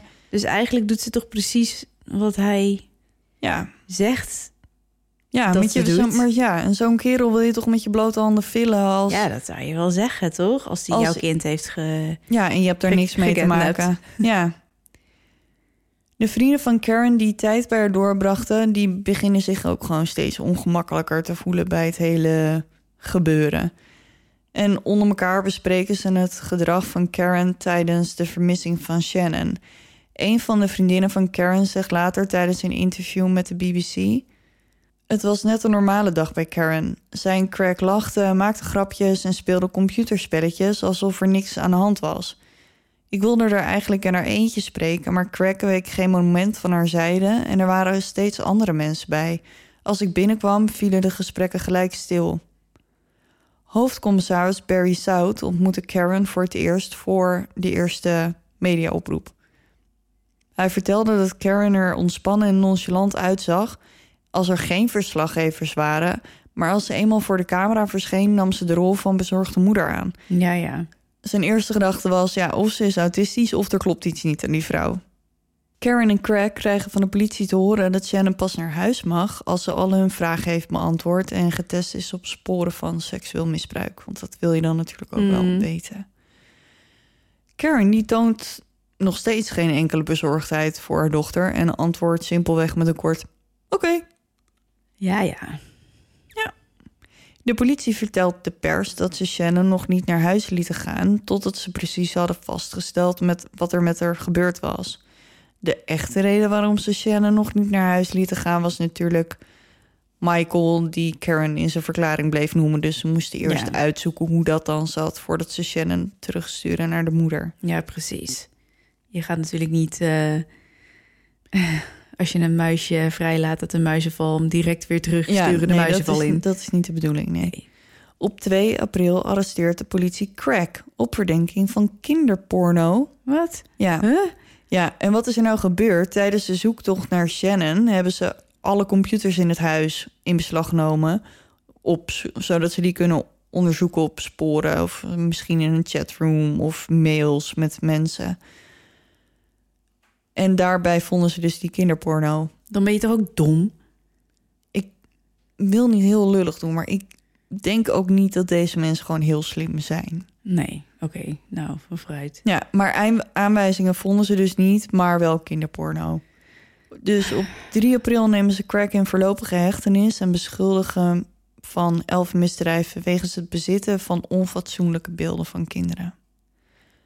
Na de arrestatie van Craig wisten de vrienden van Karen helemaal niet meer wat ze moesten denken. Want ze waren natuurlijk niet op de verklaring van Michael, maar werden toch steeds achterdochtiger tegenover Karen. En iedere keer als ze haar vragen proberen te stellen over de vermissing, dan blijft ze het gewoon een beetje weg en lult ze eroverheen. Julie en Natalie komen in contact met Detective Freeman. En Detective Freeman was de familieregisseur tijdens de vermissing van Shannon. Dus als er dan iemand vermist is, dan komt er een agent in je huis. En die fungeert dan een beetje als spreekbuis tussen de familie en de politie. Oké. Dus Natalie en Julie nemen contact met haar op en ze vertellen haar dat ze willen proberen Karen aan de praat te krijgen nu Craig buiten beeld is. En Freeman stemt ermee in om te helpen. Ook zij had het gedrag van Karen vreemd gevonden tijdens de vermissing. Lekker complotje hoor. Ja, en met vreemd gedrag, wat er bijvoorbeeld gebeurde. Ze had een of andere hippe ringtone op haar telefoon. Nou dit is 2008, dus hoe hip kunnen ze geweest zijn? Maar op een gegeven moment ging haar telefoon. En Karen die stond op en die begon te dansen op die ringtone. Wat? Dus zij had echt zoiets van... Je dochter is vermist, Je dochter is vermist, mijn telefoon gaat. Hoezo? Ik denk niet dat er echt reden is om te dansen Nee. nu of zo. Dus Karen, Natalie en Julie stappen bij Freeman in de auto en beginnen een gesprek. En Karen die zit voorin en vermijdt het om haar vriendinnen aan te kijken. Want vaak kijk je natuurlijk wel een beetje in de achteruitkijkspiegel of achterom. En Natalie begint en die zegt... Kijk Karen, ik zal eerlijk tegen je zijn. Ik heb je een hoop dingen zien doen en horen zeggen... en volgens mij klopt er helemaal niks van. Je weet dat, direct wel. ja, je weet dat ik weet dat er iets niet klopt. Vervolgens zegt Julie: Was je betrokken bij de vermissing van Shannon? Karen barst in huilen uit en geeft toe dat ze betrokken was bij de verdwijning van haar dochter. Ja, maar dat wisten we natuurlijk al. Ja, Kon ook niet anders. dat kon ook niet anders na alle dingen die eh, bekend zijn over het gedrag van Karen. Op 6 april wordt Karen gearresteerd op verdenking van obstructie van het onderzoek. Op 8 april wordt ze aangeklaagd voor datzelfde Ja. misdrijf. En het verwaarlozen van haar kind. Michael en Karen vertellen alle twee een ander verhaal over wat er gebeurd is. En ze wijzen alle twee naar de ander als Ja, het brein ja. achter de ontvoering. De politie komt uiteindelijk tot de volgende conclusie. Karen heeft Michael gevraagd om met haar af te spreken in een café. En daar legt ze uit dat ze van plan is om te doen alsof haar oudste zoon vermist was. Terwijl Michael hem dan vast zou houden in, in zijn huis. Michael weigert, want hij kent die hele oudste zoon niet eens. En dan besluit Karen dat het Shannon moet zijn. Vooral omdat het een meisje is. En Karen ging er wel eh, vanuit dat de vermissing van een meisje meer aandacht zou krijgen. En dat het geld voor de beloning snel zou oplopen.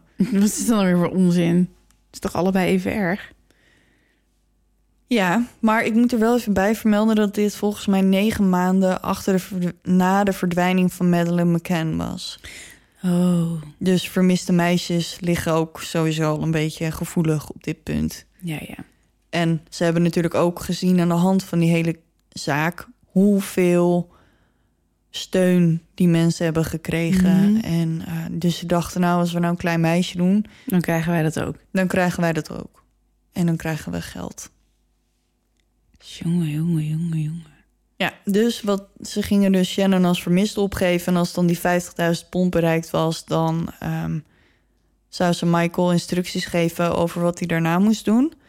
Karen schrijft het plan op een stuk papier en zegt tegen, tegen Michael dat als hij weet wat hij moet doen, het stuk papier door de wc moet spoelen. Zo slim is ze dan weer wel. Michael wilde er nog steeds helemaal niks mee te maken hebben, maar Karen bedreigt hem. Uiteindelijk besluit hij om te doen wat ze zegt. Karen geeft nooit toe Ja, aan want de hij is niet een volwassen man die even een beetje tegengas kan geven. Blijkbaar niet. Als je het niet wil doen, dan doe je het toch gewoon niet? Ja, ik weet ook niet hoe zijn... Want hij heeft natuurlijk dat hoofdletsel gehad. Dus ik weet ook niet of hij... Ja, misschien stond hij niet zo sterk in zijn schoenen. Ja, ik weet het niet. Ik weet niet hoe dat, hoe, Wat gelopen is. hoe dat gelopen is. De rest van Karen's kinderen worden ondertussen allemaal uit huis geplaatst. Ehm, het huis stond leeg. Haar buren, geschokt door de arrestatie van Karen, voelen zich echt helemaal bedonderd. Dus die beginnen met het vernielen van het huis. Ja, Tuurlijk. ze konden gewoon niet geloven dat Karen tot zo'n kwaadaardig plan. Nee, en ze hebben natuurlijk weken gezocht naar dat meisje. Ja, plus dat heel veel van hun ook gewoon hun baan zijn verloren. Omdat ze gewoon dagen achter elkaar niet op hun werk verschenen. Omdat ze Shannon aan het zoeken waren en zo. Ja, ik snap het, maar het is wel extreem. Ja. Maar goed, ja, ze waren gewoon vet pissig. Dat ze gewoon zo bedonderd zijn. Ja. En ja, het gaat wel gewoon om een meisje van negen, Ja, weet je wel. Dus die mensen die zijn gewoon laaiend. Dan is het tijd voor de rechtszaak. Karen en Michael worden tegelijk berecht op 11 november 2008. Het duurde drie weken en er kwamen nog meer details aan het licht. De temazepam en de reisziektetabletten waar, eh, waren gebruikt om Shannon rustig te houden terwijl ze bij Michael vast zat. Dus die hadden ze in dat bed gevonden. Ja.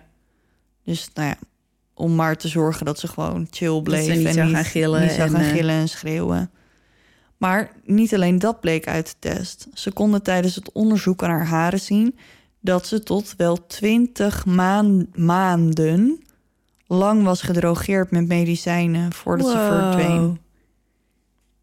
20 maanden? Ja, want Want ze ze kunnen... hadden dit plan al heel lang dus. Nou, dat weet ik niet. Waarschijnlijk had Karen gewoon geen zin om met haar kinderen te dealen. Dus om ze allemaal... Ik weet niet of het alleen bij Shannon was... maar heeft ze gewoon al die tijd kalmeringstabletten gekregen... zodat ze maar geen last van haar zouden hebben... zodat zij de hele dag op de bank kon zitten...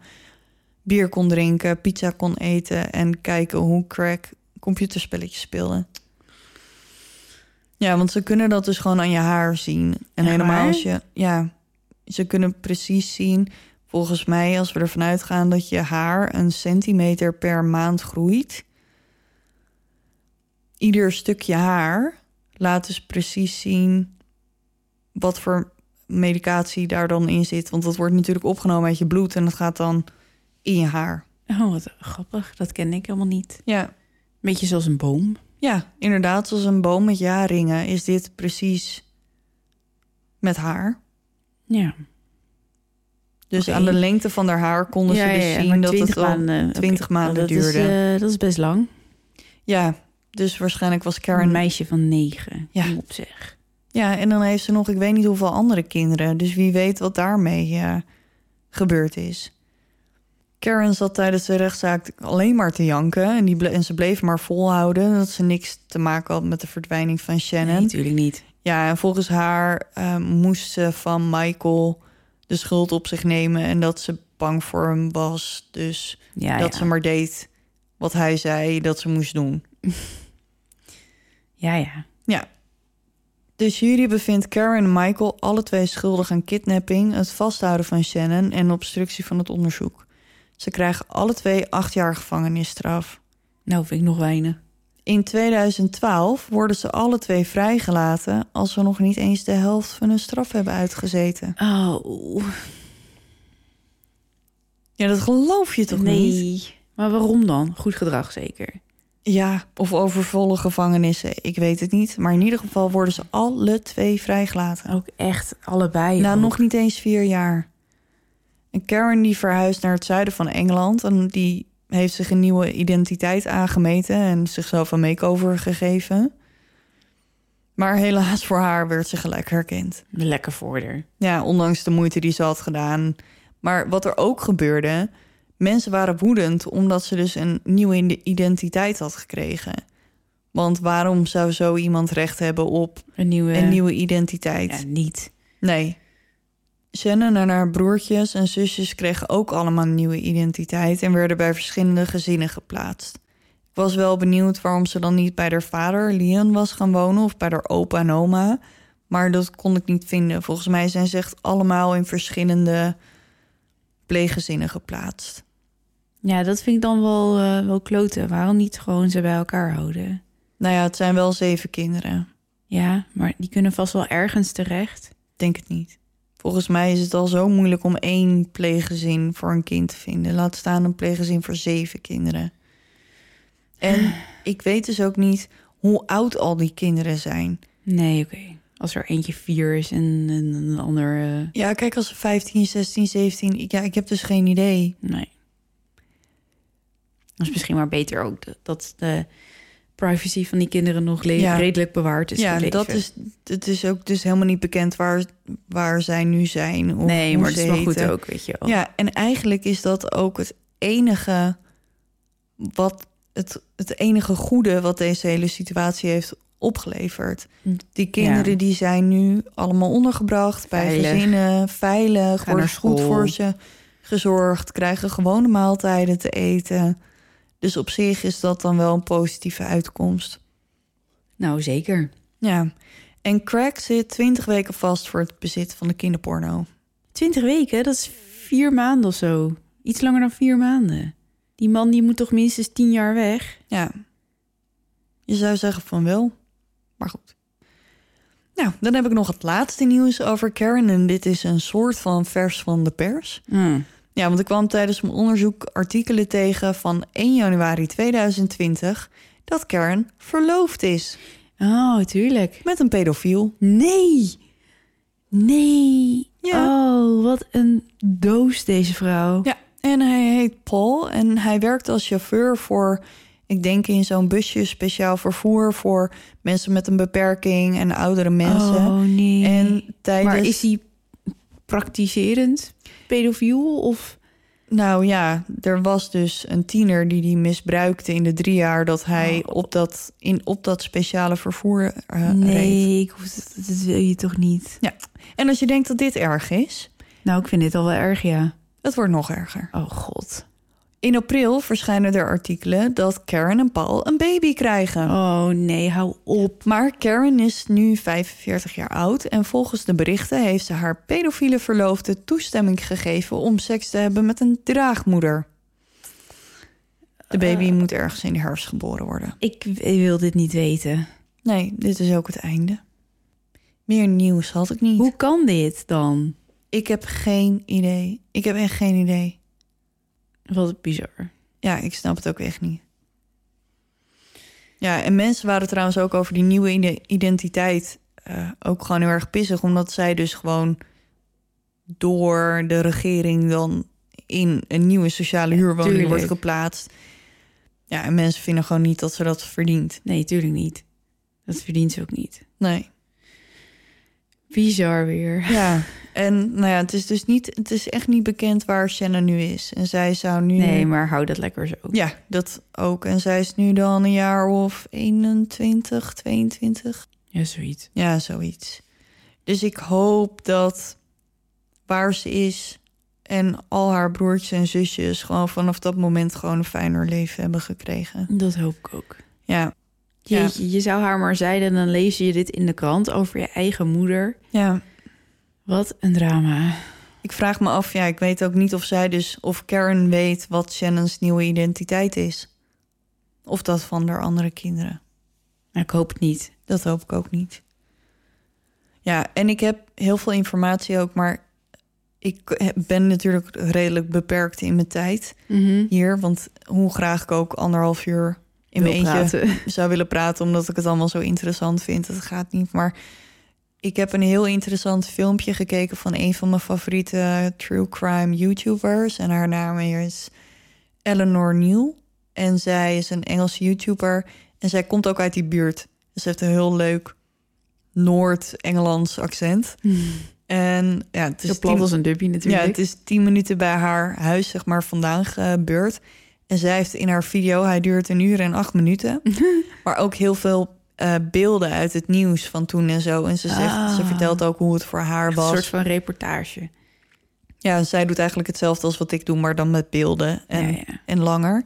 In dat filmpje heeft ze dus ook beelden van die familieregisseur, mevrouw Freeman. En die beschrijft dan ook gewoon het rare gedrag dat Karen vertoonde. En ook over hoe het in die, op die Moorside Estate eraan toe gaat. Dus ik link hem wel even op de website. Ja, doe maar. Kunnen we hem kijken. Ja, dus als je meer wil weten en gewoon benieuwd bent naar Karen's gedrag. En ja, je ziet er ook op de bank zitten. En het is ook een figuur dat je denkt. Ja, Ik denk dat ik me er wel iets bij voor kan voorstellen. ja, het is gewoon niet veel soeps. Nee, Dus ga dat kijken. En ik heb natuurlijk gewoon alle foto's ook op de, op de website. op de website. En wat we ook op onze website hebben, Nou, een invulformulier. ja. Ja, dus als je wat tegen ons wil zeggen, dan kan je op de website het invulformulier vinden, oftewel het contactformulier. en daar kan je ons een mailtje sturen. Oh, en eh, nog wat anders. Het was voor sommigen een beetje onduidelijk waar de foto's nou precies te vinden zijn op de website. Ehm, maar de nieuwe podcast, de aflevering, de nieuwste aflevering staat altijd bovenaan. En er staat nu, hey, klik hier voor alle afbeeldingen En links, voor deze aflevering. En als je daar dan op klikt, dan kom je bij de foto's. dus die kan je daar dan allemaal bekijken. En we Ja. plaatsen ook altijd in de loop van de week nog een fotootje op, eh, op Ja, onze ja. social media.